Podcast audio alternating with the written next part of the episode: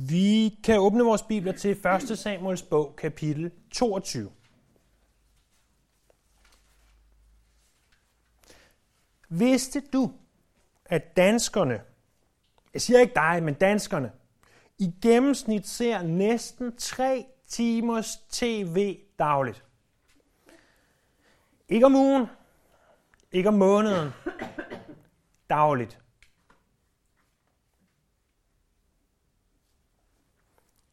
Ikke nok med det. Vi tjekker vores såkaldte smartphone 150 gange om dagen. Gennemsnitligt. 3 timers tv på nær nogle få minutter. Og 150 gange dagligt tjekker vi vores smartphones. Det er tydeligt for enhver, at gennemsnitsdanskeren ikke har noget som helst begreb om, hvad det er, der virkelig betyder noget. Desværre tror jeg oftest, det samme kan siges om den gennemsnits kristne. Ved vi, hvad det er, der virkelig, virkelig betyder noget i den her verden? Hvad det er, som virkelig har værdi?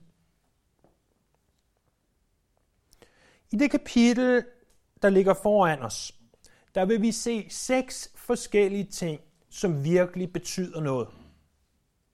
Øh, noget betyder mere end andet, men det er seks ting, der virkelig betyder noget.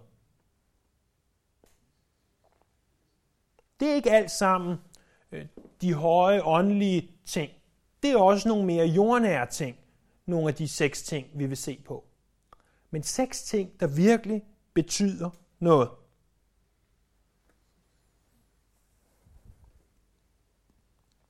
Lad os læse vers 1-5. David drog så bort derfra og undslap til Adullams hule. Da hans brødre og hele hans fars hus hørte det, kom de ned til ham, og alle slags underkuget, alle forgældede, alle forbedrede flokkedes om ham, og han blev deres anfører. Omkring 400 mand sluttede sig til ham. Derfra drog David til Mishbe i Moab og sagde til Moabs konge, Lad min far og mor rejse over til jer, indtil jeg bliver klar over, hvad Gud har formet mig. Han bragte dem så til Moabs konge, og hos ham boede de, lige så længe David var i Klippeborg. Men profeten Gad sagde til David, du skal ikke blive i Klippeborgen. Drag hjem til Judas land. Så tog David afsted og kom til Jaar Heret. for lige at skabe konteksten, øh, minder os om historien. Hvor er det, vi er i Davids liv? David, den her relativt unge mand, bliver salvet til konge. Problemet er bare, at der er en anden konge på det tidspunkt, nemlig Saul. Og Saul har ikke tænkt sig at give op uden en kamp. Saul er nu godt blevet klar over, at David er den mand, som Gud har salvet til at være Israels næste konge. Men Saul tænker, hvis jeg kan slå David ihjel, så er det ikke David, men Jonathan, min egen søn, der bliver Israels næste konge. Så Saul forsøger med næb og klør og hvad der ellers måtte stå ham til rådighed, at slå David ihjel. Men Gud beskytter David, og David flygter. David flygter først væk, får besked af Jonathan om, at Saul virkelig stadigvæk vil slå ham ihjel, så flygter han, så vi øh, sidste gang, til præsten Akimelek i Nob, lyver for Akimelek, øh, således at han ikke ved, hvad der foregår, og øh, forsvinder så videre. Og det, det er det, vi ser, at han så forsvandt til Gat, der hvor Goliat kom fra, og derfra kommer han så videre til Adullams hule. Gat ligger, hvis du forestiller dig øh, set fra jeres side, Jerusalem herop, kysten herude. Fra Jerusalem går der nogle forskellige dale ud gennem bjerglandet, eller lavlandet. Den ene af de dale kaldes for øh, Eladalen eller Tirbintedalen. Den dal går ikke helt op fra, men begynder sådan halvt nede for Jerusalem, øh, sådan halvvejs ude, går ud gennem landet og munder så ud i en stor slette. Øh, et godt stykke inde i den dal, der ligger øh, det sted, hvor David slog Goliat ihjel. Men for udmåningen af den dal ligger byen Gat. Og det var der, David havde befundet sig og var blevet taget til fange, så vi, når vi opholdt øh, salmerne op imod Øh, Samuels bog. David flygter så fra Gat tilbage ind i dalen, og i den dal lå der en by, der hed Adullam. Og i nærheden af den dal, øh, i nærheden af den by, undskyld, der lå der afskillige klippehuler. Øh, man kan stadigvæk se afskillige klippehuler. Selvfølgelig kan vi ikke vide, hvad for en præcis af dem, som David gemte sig i. Men han gemte sig i en klippehule.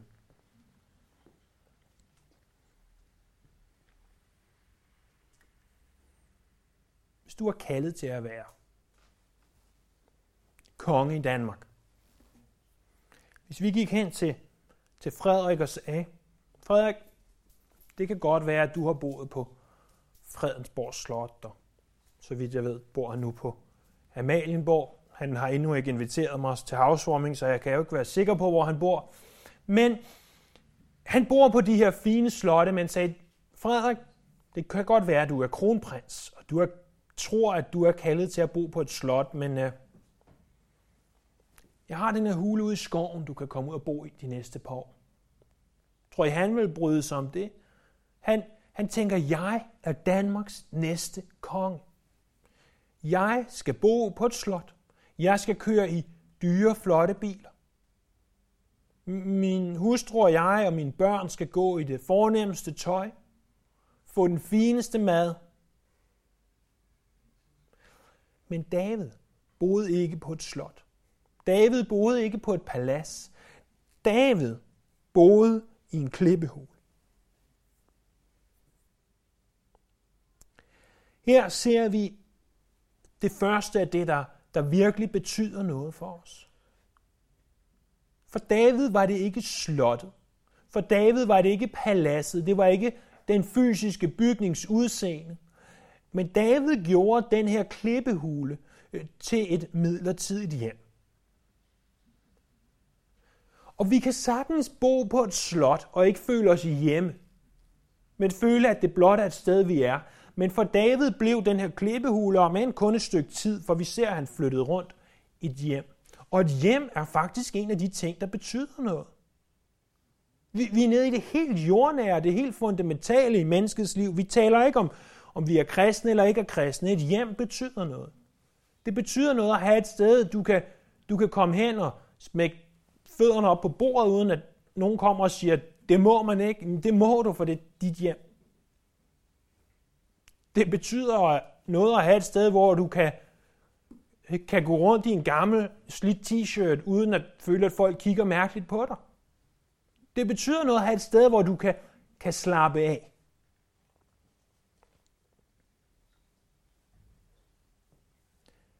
Og om det er en klippehule, eller om det er et palads, det er altså mindre vigtigt. Og det var det, David begynder at lære her. Så ser vi, der er nogle forskellige mennesker, der begynder at komme til David. De første, der kommer til ham, det står der, det er hele hans familie. Vi har tidligere set, hvordan Davids familie behandlede David. Vi har familien samlet. Der skal være fest landets fornemmeste, ypperste profet, er ikke bare kommet til byen Bethlehem. Men han har sagt, jeg vil ind og spise hos dig, Isai. Isai var Davids far. Og Isai tænker, der skal rigtig være familiefest. Men jeg ser ikke nogen grund til at invitere David. Det var det syn, faren havde på David. Og brødrene lige så.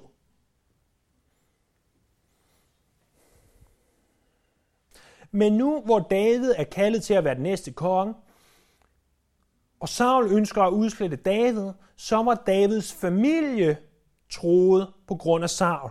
Derfor flygter de fra Bethlehem ned til Adulams hule for at være sammen med David.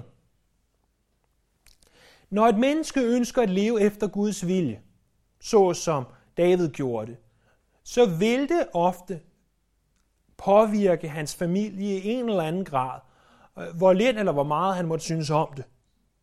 Og hvor lidt eller meget de måtte synes om det.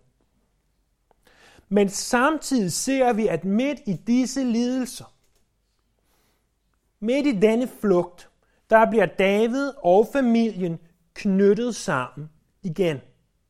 Så Gud kan bruge de her forfølgelser af Davids familie til at knytte familien tættere sammen. Der kommer også en anden gruppe mennesker til David. Prøv at se, hvordan de beskrives. Der i vers 2. Alle slags underkuget, forgældet, alle forbedrede, flokkedes om ham.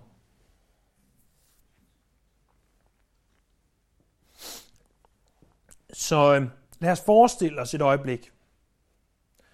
David sidder, sidder der ovenpå, hvad man nu sad på en sten eller noget af den sti, Og øh, så kommer der den første mand ind og siger, David, jeg vil gerne tilslutte mig dig. Jeg synes, du skal være konge. Saul har ikke gjort det let for mig. David siger så, som i en slags jobinterview, jamen, hvad har du at byde med? Hvor mange penge kan du øh, støtte min kampagne med? Hvor, mange, hvor stor en hær har du? Hvor engageret er du egentlig? Og han siger så, Åh, jeg er ked af det, men jeg skylder alt væk. Jeg ejer intet. Tværtimod, så skylder jeg langt mere væk, end jeg ejer. Oh, okay, ja. Men der skal også være plads til sådan nogen som dig. Og så kommer der en ny og siger, jeg vil gerne tilslutte mig dig, David, du skal være konge, men hvad, hvad har du at byde med? Du, du må have noget. Ja, det, det er ikke, fordi jeg skylder noget væk, men oh, min sjæl, står der på, på hebraisk, er bitter. Min sjæl er bitter.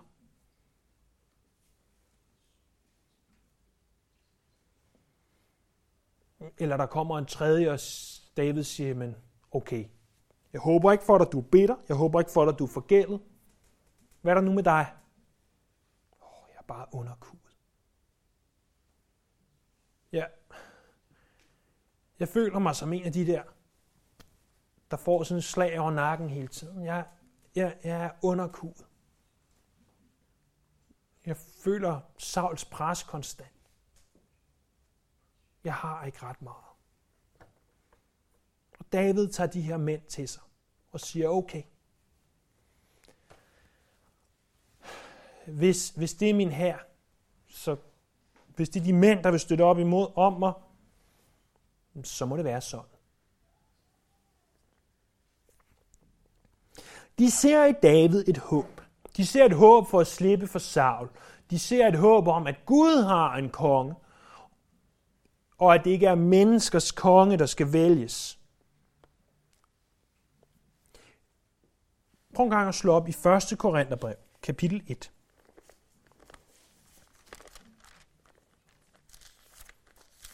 Paulus' første brev til Korintherne, kapitel 1, vers 26. Fordi David var ikke den eneste, der havde det sådan her.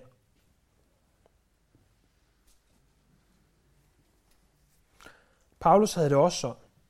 Prøv at se, hvad han beskriver der i 1. Korintherbrev, kapitel 1, vers 26.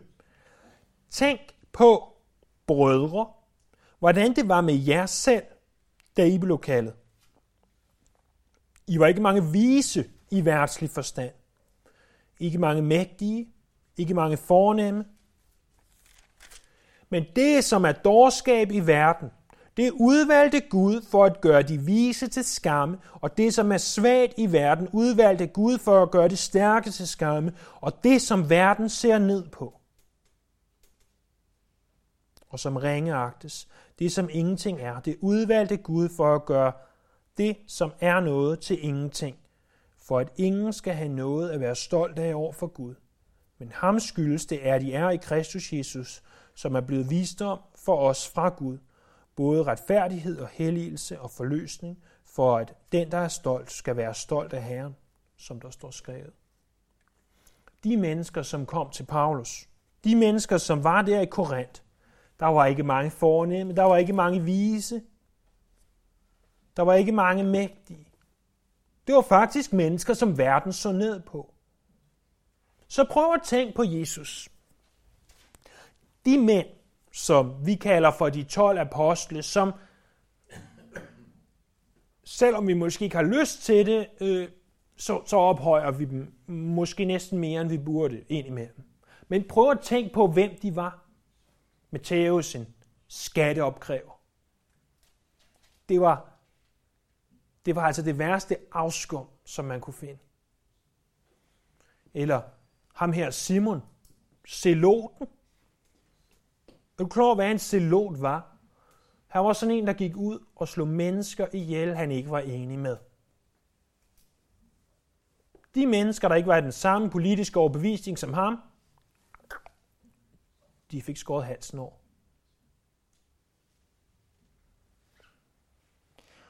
Og så kan vi da godt sige, at Peter, Jakob og Johannes, jamen, de var måske ikke lige så forfærdelige i verdens øjne som de andre, men de var heller ikke noget. De var fiskere. Uden at tale for meget om mine madvaner, så er, så er fisk ikke en af mine yndlingsspiser.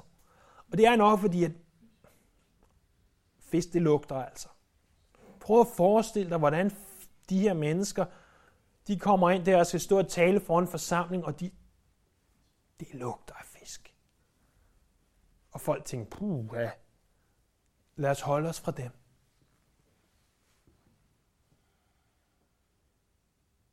Det var den slags mænd, der fulgte Jesus. For slet ikke at tale om kvinderne. Skøre og hvad de nu ellers var.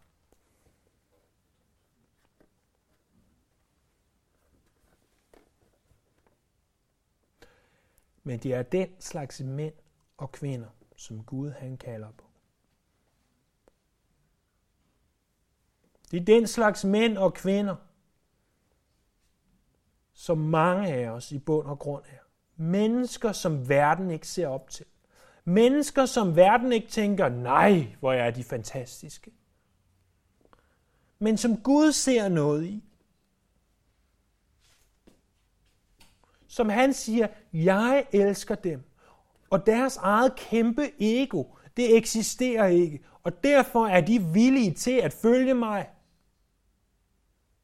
De mænd, som David havde, de 400 forbedrede, forgældede og underkudede mænd, som David han havde, de var ikke noget i verdens øjne, men de var tro over for David. Og vi ser senere, at de her mænd, de bliver mægtige krigere, nogle af dem. At Gud gør dem til noget stort. Ikke fordi han skal gøre dem til noget stort, men fordi han vælger at gøre dem til noget stort. Og det kan godt være, at du er kommet her i dag og tænker, verden ser ned på mig. Jeg har ikke noget godt job, jeg har ikke noget godt sted at bo. Jeg har en familie, som har ikke brugt så særlig meget om mig. Jeg er måske dybt forgældet. Men i Guds øjne betyder alt det intet. Gud han ser på dit hjerte. Han ser ikke på det, som andre mennesker ser på. Gud kalder dig alligevel og kan bruge dig mægtigt. Uanset om du er forgældet og forbitret og underkudet. Og her ser vi den anden af de seks ting, som virkelig betyder noget. Det er igen en af de her temmelig jordnære, åbenlyse ting, som, som burde betyde noget, uanset om man er, kalder sig krist, eller om man ikke gør. Det var, at David fik mænd omkring sig, som var hans familie, og som var hans, eller blev hans venner. Og familie og venner, det er rent faktisk noget af det, der betyder noget. Det er noget af det, som, som Bibelen igen og igen taler om, at vi ikke skal nedprioritere. Som vi ikke bare skal sige, det betyder intet. Lad mig fokusere på det her og andet. Nej, Bibelen siger, at familie og venner har en betydning. Læs bare ordsprogenes bog og se, hvordan igen og igen, at, at han taler om i, i særdeleshed, at, hvordan familien har en vigtig, vigtig plads i en mand efter Guds hjerte.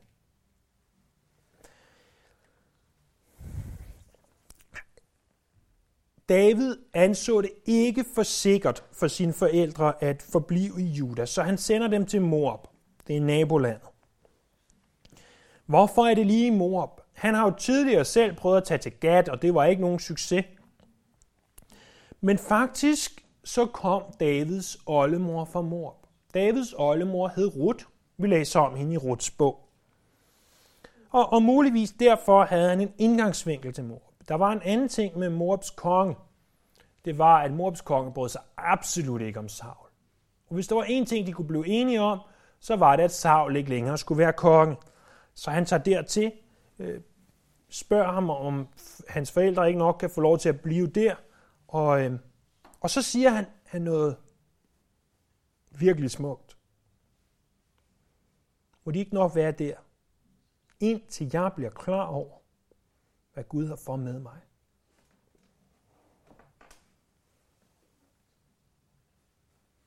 Det er en sidenote til det, vi ellers taler om, nemlig det, som, som virkelig, virkelig betyder noget, men søger du Herren, indtil du virkelig bliver klar over, hvad Gud har for med dig.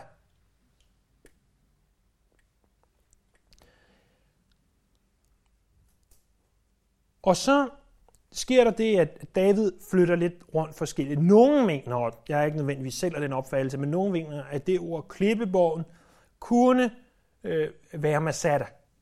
Simpelthen der, hvor at, at Masada lå, da Herodes lavede Masada, og vi i dag kan tage ind og besøge Masada ved det døde hav, at David kunne meget nemt have gemt sig deroppe, fordi selvfølgelig er, er det plateau, som eksisterer på den her klippe, der rejser sig ud fra, fra grunden, øh, ikke bare opstået, da Herodes byggede det, men øh, byggede et palads deroppe, men, men det har selvfølgelig været der også på Davids tid. Han kunne godt have gemt sig deroppe, men det ved vi ikke. Men så kommer der en mand i vers 5, der hedder Gad. Det kunne man lave mange jokes om, men det vil vi ikke gøre. Øhm, det gad jeg ikke gøre. øhm, så ham her, profeten Gad, vi antager, at han var yngre end David. Øh, det er ikke sikkert. Det kan også være, at de var jævnaldrende, han var lidt ældre, men, men cirka på samme alder som David, måske lidt yngre. Øh, vi mener, at David har mødt ham, øh, da David besøgte profetskolen i Rama, det hvor, David havde, øh, hvor Samuel undskyld, havde en profetskole. Gad kommer senere til at skrive om Davids liv, læser vi i 2. krønikebog, kapitel 29, vers 25, og fungerer gennem sit liv som åndelig rådgiver for David. Det er også Gad, som kommer til at bære de tunge nyheder til David, hvor at, at David skal vælge en straf for at have talt folket. Det kommer vi til om mange kapitler. Men det virker til, at David følger profetens råd, for profeten han siger, du skal ikke blive i klippeborgen, men drag hjem til Judas land.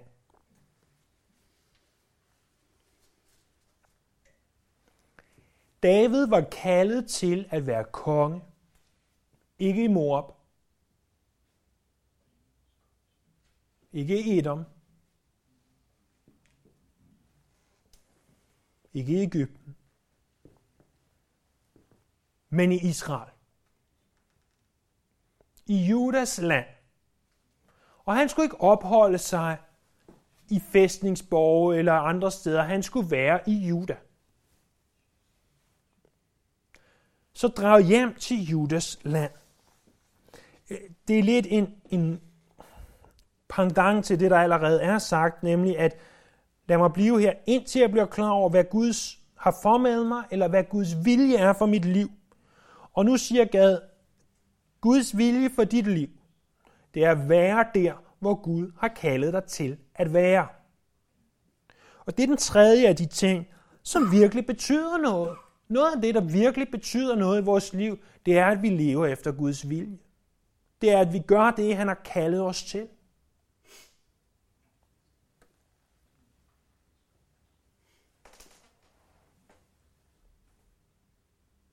Jeg kunne være masser af andre steder i verden lige nu. Hvis nogen vil have mig i hvert fald. Men det, der betyder noget for mig, det er at være her, hvor Gud har kaldet mig til at være. Ligesom at det, der betyder noget for dig, er, at Gud har kaldet dig til at være der, hvor du er. Og hvis du ikke er der i dit liv, hvor at Gud har kaldet dig til at være nu, så vil jeg foreslå, at du følger profeten Gads råd og rykker. Flytter. Og der, hvor David flytter til, det er et sted, som kendes som Ya'ar her, Øh, Heret. Det betyder noget i retning af Haret-skoven. Ikke Hareskoven, men Haret-skoven. Det var godt, Svend synes, det var sjovt. Tak, Svend. Øhm, eller plat nok til, han tænkte, hvor er han plat. Det er også lige meget. Øh, jeg havde heller ikke tænkt meget længere over det. Øh, det her formoder vi ligger, eller lå umiddelbart nord for det sted, sydligst i Juda, der hedder Arad. En del af os har været i Arad, øh, som var den her by ude midt i ingenting. Øh, øh, nu var det bare, selvfølgelig bare en ruin, men den lå ude midt i ingenting, var den sydligste post, sådan man havde øh, ud over Beersheba over den anden side. Og øh, lidt nord for der ligger der en skov, og det kunne have været der, men vi er ikke sikre. Men han gemmer sig i en eller anden skov.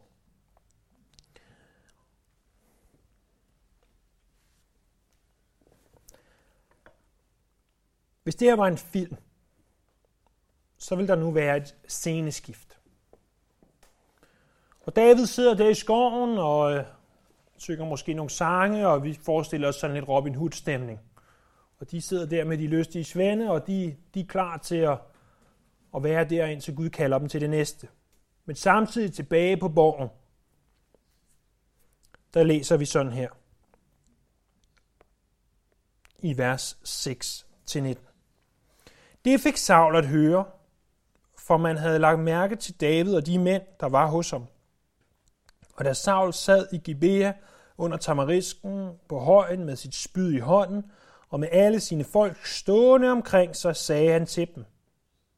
Til, sagde han til dem, der stod omkring ham, Hør her, Benjamitter, Isais søn vil nok give jer alle sammen marker og vingårde og gøre jer alle sammen til tusind fører og hundrede fører, siden I har sammensvoret imod mig.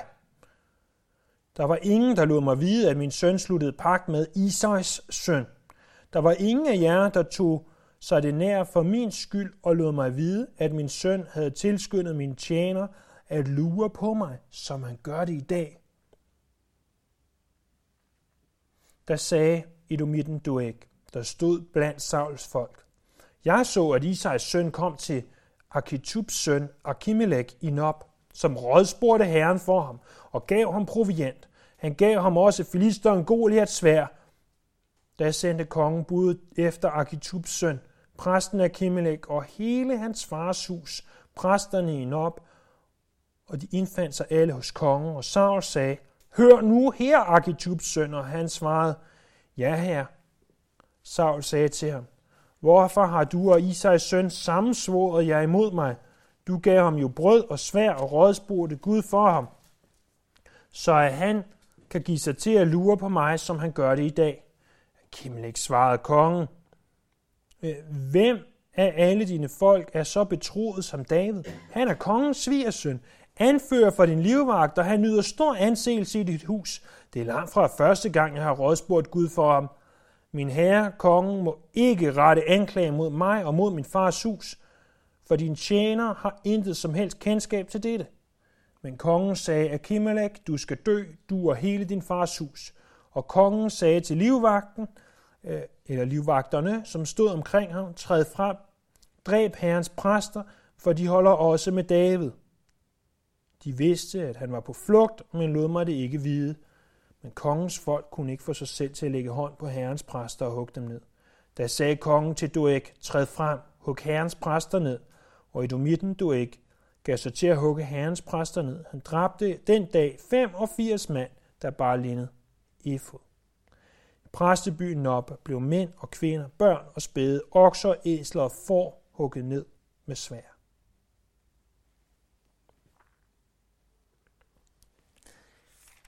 Så Saul sidder under den her tamarisk, det her træ.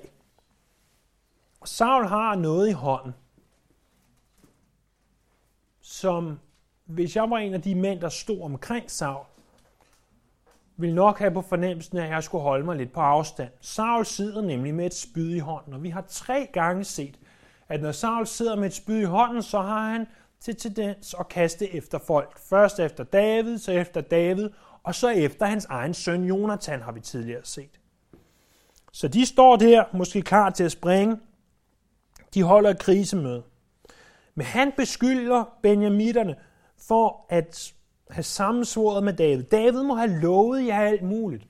Marker og vingård og positioner i hans rige.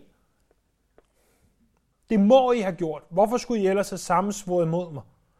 For det første tror jeg ikke, de havde sammensvoret imod om Jeg tror, at Saul var blevet paranoid. Men øh, for det andet, hvorfor skulle de næsten ikke have gjort det? Så tåbeligt som han førte sig. Han så dårlig en leder, øh, Øh, så dårlig en mand som han var. Han følte sig troet, og det er næsten patetisk, det der sker her. Heldigvis for Saul, så havde han en, der var lojal over for ham. Det er Doeg. Vi har allerede mødt Doeg i det forrige kapitel. Doeg, han var edomit. Det vil sige, han var ikke israelit, men edomit. Og Doeg var der jo der, da David han kom op til tabernaklet, til Akimelech, og fik det her brød og det her svær. Og han siger så, jeg så David komme op til præsterne, og der spurgte han, om de ville søge herren for ham. De spurgte om brød, og han fik Goliat svær. Og endelig har Saul fundet en søndebuk, nemlig præsterne.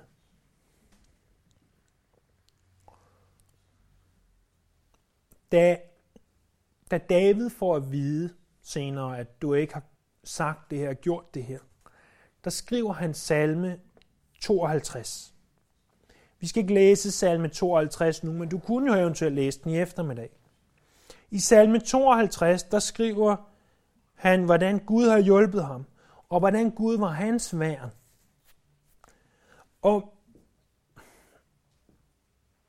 alt det her med, at alle de her præster bliver, bliver dræbt på den mest brutale vis, det virker så meningsløst. Det er meningsløst.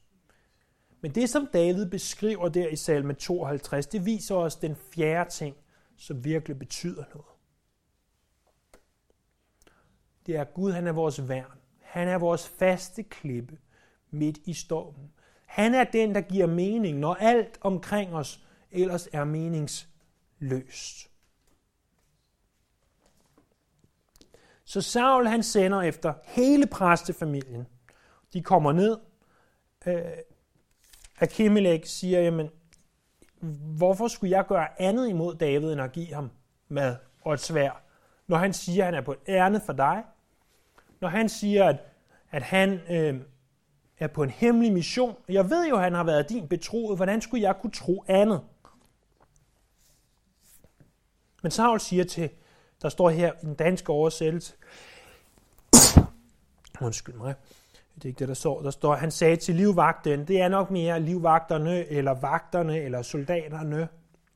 Hug dem ned. Men de siger, nej, det vil vi ikke. De kunne godt se, at det Saul han gjorde, det var forkert.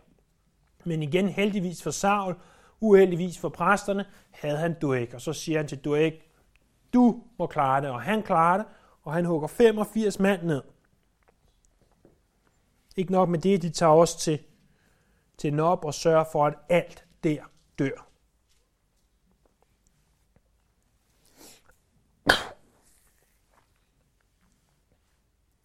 Kan I huske, da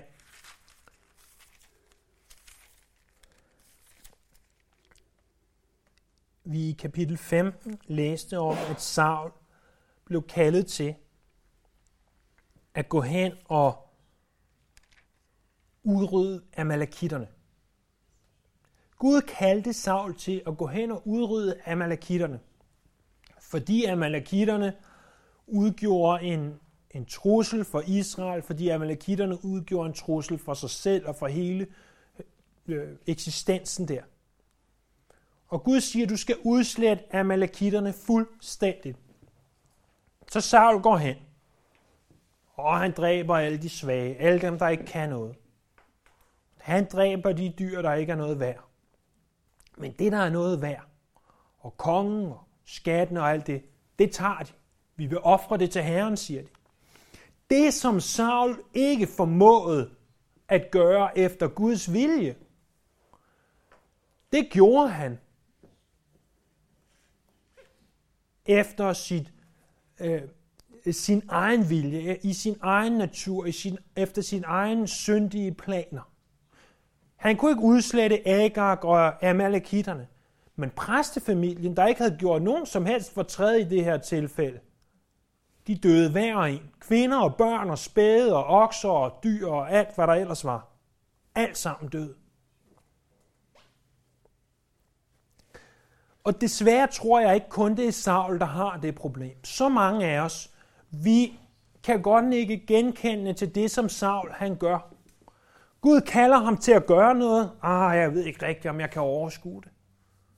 Jeg skal også tidligt op, hvis jeg skal nå det. Jeg skal, jeg skal gøre noget ekstra. Jeg skal arbejde hårdt, hvis jeg skal gøre Guds vilje i det her. Og så pludselig så er der noget synd i vores liv. Så kan vi det helt. Så har vi ikke noget problem med det ene og det andet og det tredje og det fjerde, og vi kan kæmpe derud af.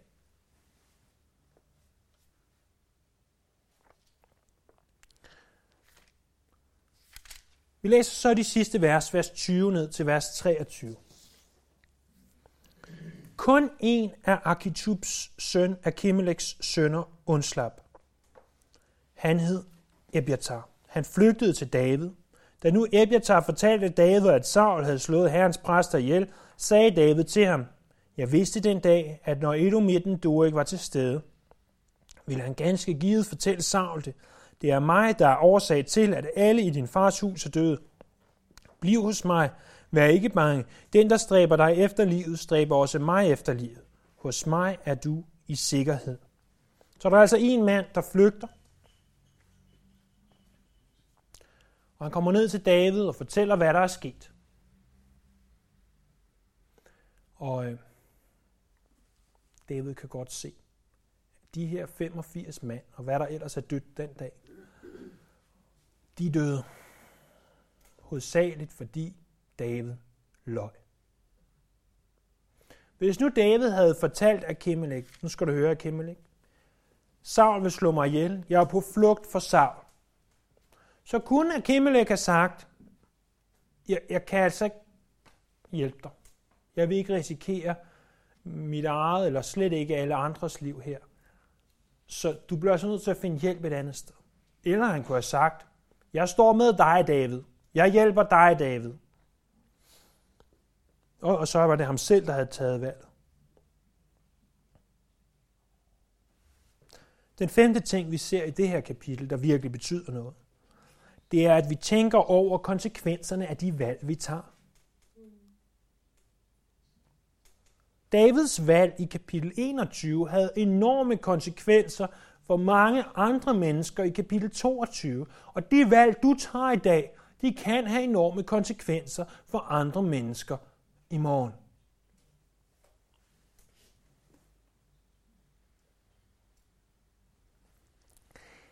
Vi ser, at David var salvet til at være konge, men alligevel så var han på flugt for Saul. Under sin flugt så kommer han til at bo i huler, i fremmedland, i Moab, i vildmarken, i den her skov og i Klippeborg. David han var ganske isoleret fra omverdenen, øh, men han var ikke alene. Gud var hos ham. Måske føler du, at du er i en vildmark. Måske føler du, at du er i fremmed land.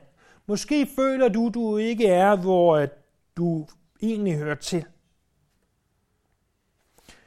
David er ved at lære fra Gud, hvad det vil sige ikke bare at være en mand efter Guds hjerte, men at være en konge efter Guds hjerte. Det lærer Gud ham ved at isolere ham de her steder. Der er mænd omkring ham, men David har ikke alle de øh, fornøjeligheder, som andre mennesker har. Han er isoleret. Han er ved at lære, hvad det vil sige, at noget virkelig betyder noget. Når vi har set fem forskellige ting, der virkelig betyder noget, vi, øh, vi så for det første, jamen, et hjem er en ting, der betyder noget for os.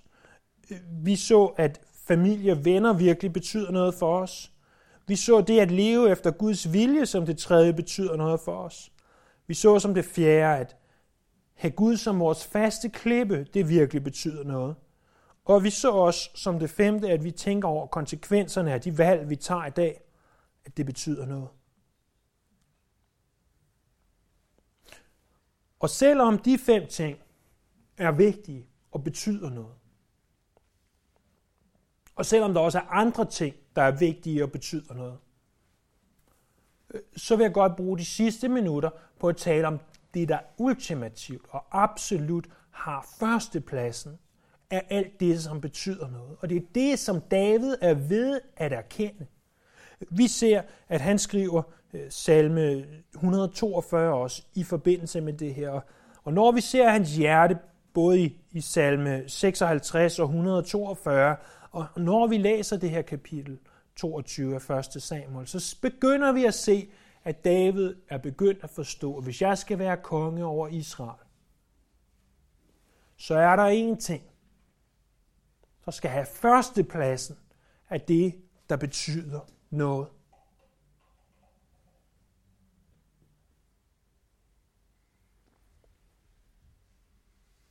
Det absolut vigtigste, det ultimativt største, det som uden sammenligning er ikke det, men den vigtigste i vores liv er Jesus. Der er intet andet, der betyder mere. Der er ingen anden som ham. Prøv at tænk på, hvor mange mennesker, der hver dag står op, hengiver sig til deres arbejde, hengiver sig til deres hobbies. Hvor mange mennesker, som vi så indledende, der hengiver sig til tv, til smartphone, og bruger så stor en del af deres energi, og så stor en del af deres liv, på alt det, der i virkeligheden ikke betyder noget som helst, eller måske betyder i bedste fald meget, meget lidt.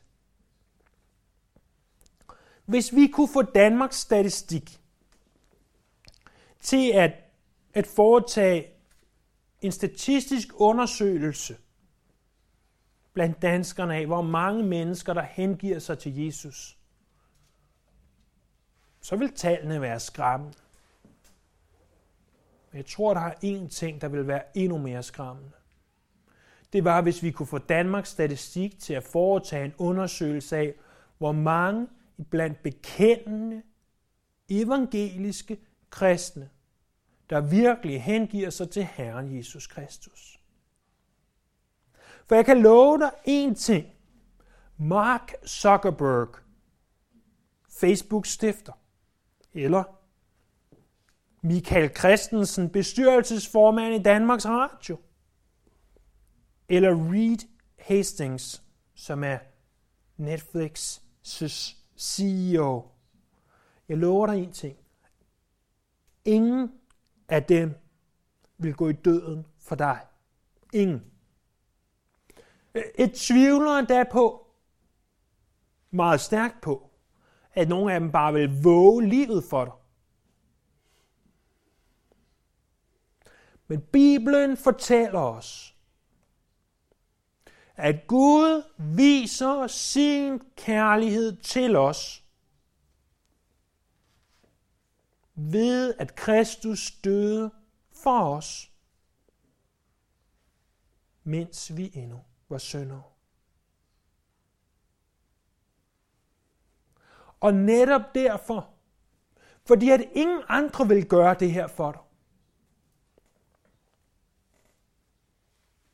Fordi at alle dem og alt det, som vi egentlig hengiver så meget af vores liv til, har absolut ingen interesse i os. Men netop fordi, at Gud viser sin kærlighed til os ved at Kristus døde for os, mens vi endnu var syndere. Netop derfor bør han have første prioriteten i vores liv.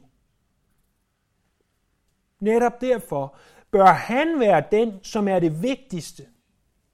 I toppen af pyramiden, om du vil. Netop derfor bør han være den, som vores hengivenhed først og fremmest er rettet imod. Jeg siger ikke, at de andre ting ikke skal være der, hjem og familie og så videre. Men han og han alene bør være den, som har første prioritet.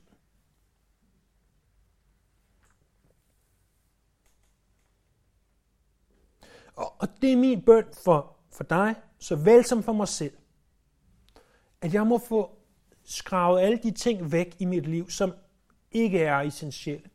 Således at der kun står de ting tilbage, som virkelig betyder noget.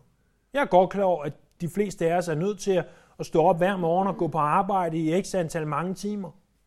Men det er en nødvendighed. Det er ikke fordi, at, at det er forkert eller noget i den retning. Men vi bør ikke, vi bør ikke leve for det.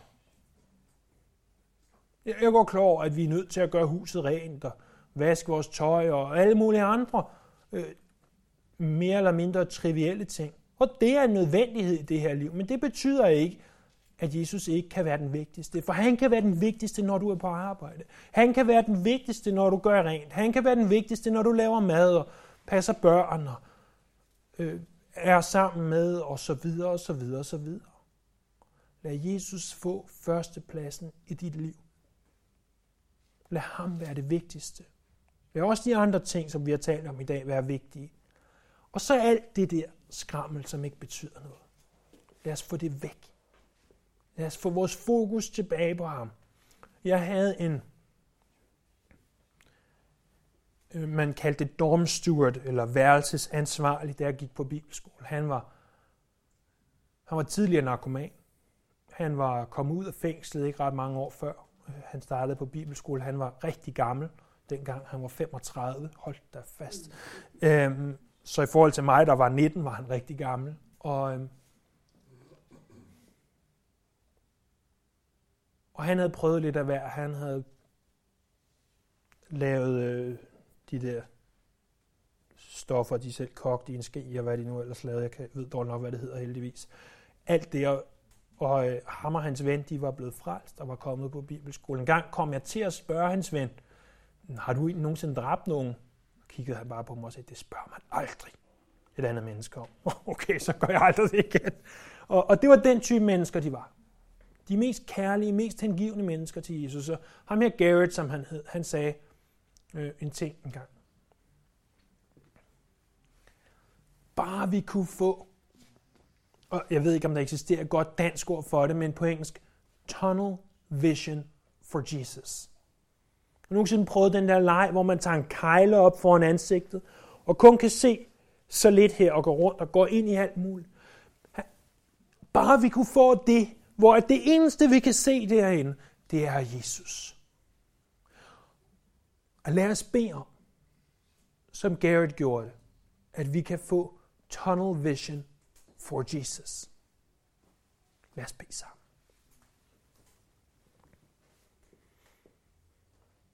Jesus, tak for min, min ven Garrett. Tak for, hvor han står i tjeneste i dag.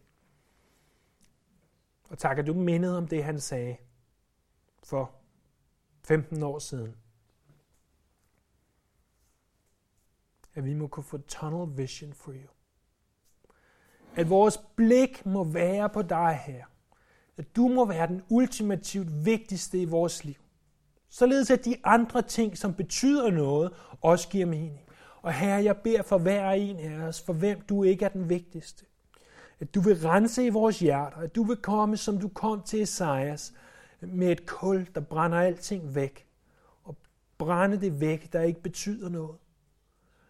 At hvis vi er på flugt, at hvis vi er i vildmarken, at du så må vise os, at vi er der, for at, at du kan rense os for alt det, som ingenting betyder.